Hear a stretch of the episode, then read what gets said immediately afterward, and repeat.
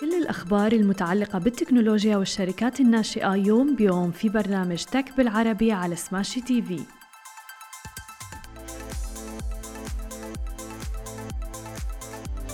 صباح الخير. عناوين اليوم إنستغرام تدرس ميزة صور جديدة. وصندوق الاستثمارات السعودي يتوسع إلى مصر. وشركة Tip Top تتوسع إلى العراق. ومنصة Procurify تحصل على تمويل جديد. يا أهلا وسهلا فيكم ببرنامجكم تك بالعربي. معكم أنا هالة بسام. ومعنا بخلف الكواليس علي. وخلونا نبدأ أخبارنا لليوم ونحكي عن منصات ومواقع التواصل الاجتماعي والميزات الجديدة اللي عم بيطلقوها. وتحديدا منصة إنستغرام. إنستغرام. ربما بالفترة الأخيرة أوقفت إنستغرام إعادة تصميمه المثير للجدل لكن هذا ما بيعني أبدا أنه الشركة عم بتخطط للتوقف عن التركيز على محتوى ملء الشاشة. أكد الرئيس التنفيذي آدم من خلال عمله الأسبوعي Ask Me Anything آه تحديدا أنه إنستغرام رح يبدأ باختبار صور عالية الطول في غضون أسبوع أو أسبوعين تقريبا. وقال تحديدا أنه يمكن أنه يكون لديك مقاطع فيديو طويلة ولكن لا يمكن الحصول على صور طويلة على الإنستغرام.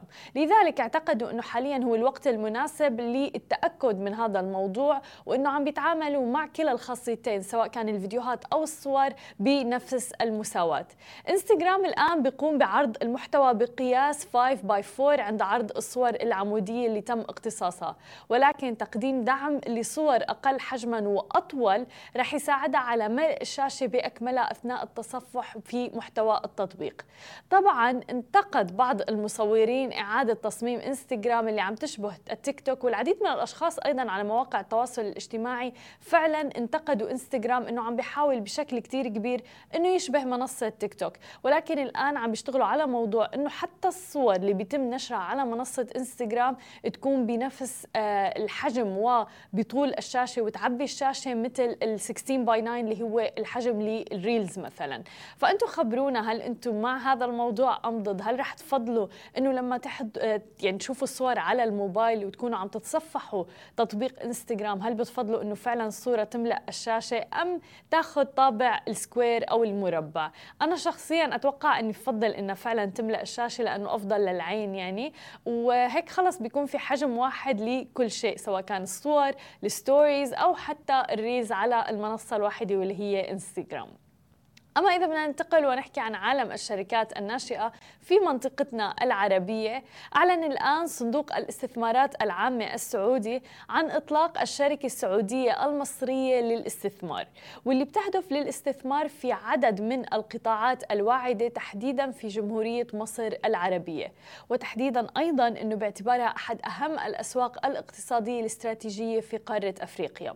ورح تركز الشركة على الاستثمار في عدة قطاعات رئيسية من ضمنها البنية التحتية التطوير العقاري وأيضا الرعاية الصحية والأهم الخدمات المالية. بالإضافة أيضا إلى الاستثمار في المشاريع الغذائية والزراعية والصناعية مثل الصناعات الدوائية وغيرها من الفرص الاستثمارية الجاذبة. ووفقا لبيان الصندوق فإن الشركة رح تسهم في تنمية وتعزيز الشراكة الاستثمارية لصندوق الاستثمارات العامة وأيضا شركات محفظته. بالإضافة إلى ذلك رح يتم أيضا الاستثمار في القطاع الخاص السعودي للعديد من الفرص الاستثمارية اللي رح تكون موجودة في جمهورية مصر العربية. هذا الأمر رح يساهم في تحقيق عوائد جذابة جدا على المدى الطويل وتطوير أيضا أوجه التعاون في العديد من القطاعات الاستراتيجية. وبيأتي إطلاق الشركة السعودية المصرية للاستثمار تماشيا أيضا مع استراتيجية صندوق الاستثمارات العامة في البحث عن فرص للاستثمار جاذبة بمنطقة الشرق الأوسط وشمال أفريقيا واللي رح تدعم بناء شراكات اقتصادية استراتيجية على المدى الطويل مثل ما ذكرنا لتحقيق العوائد المستدامة.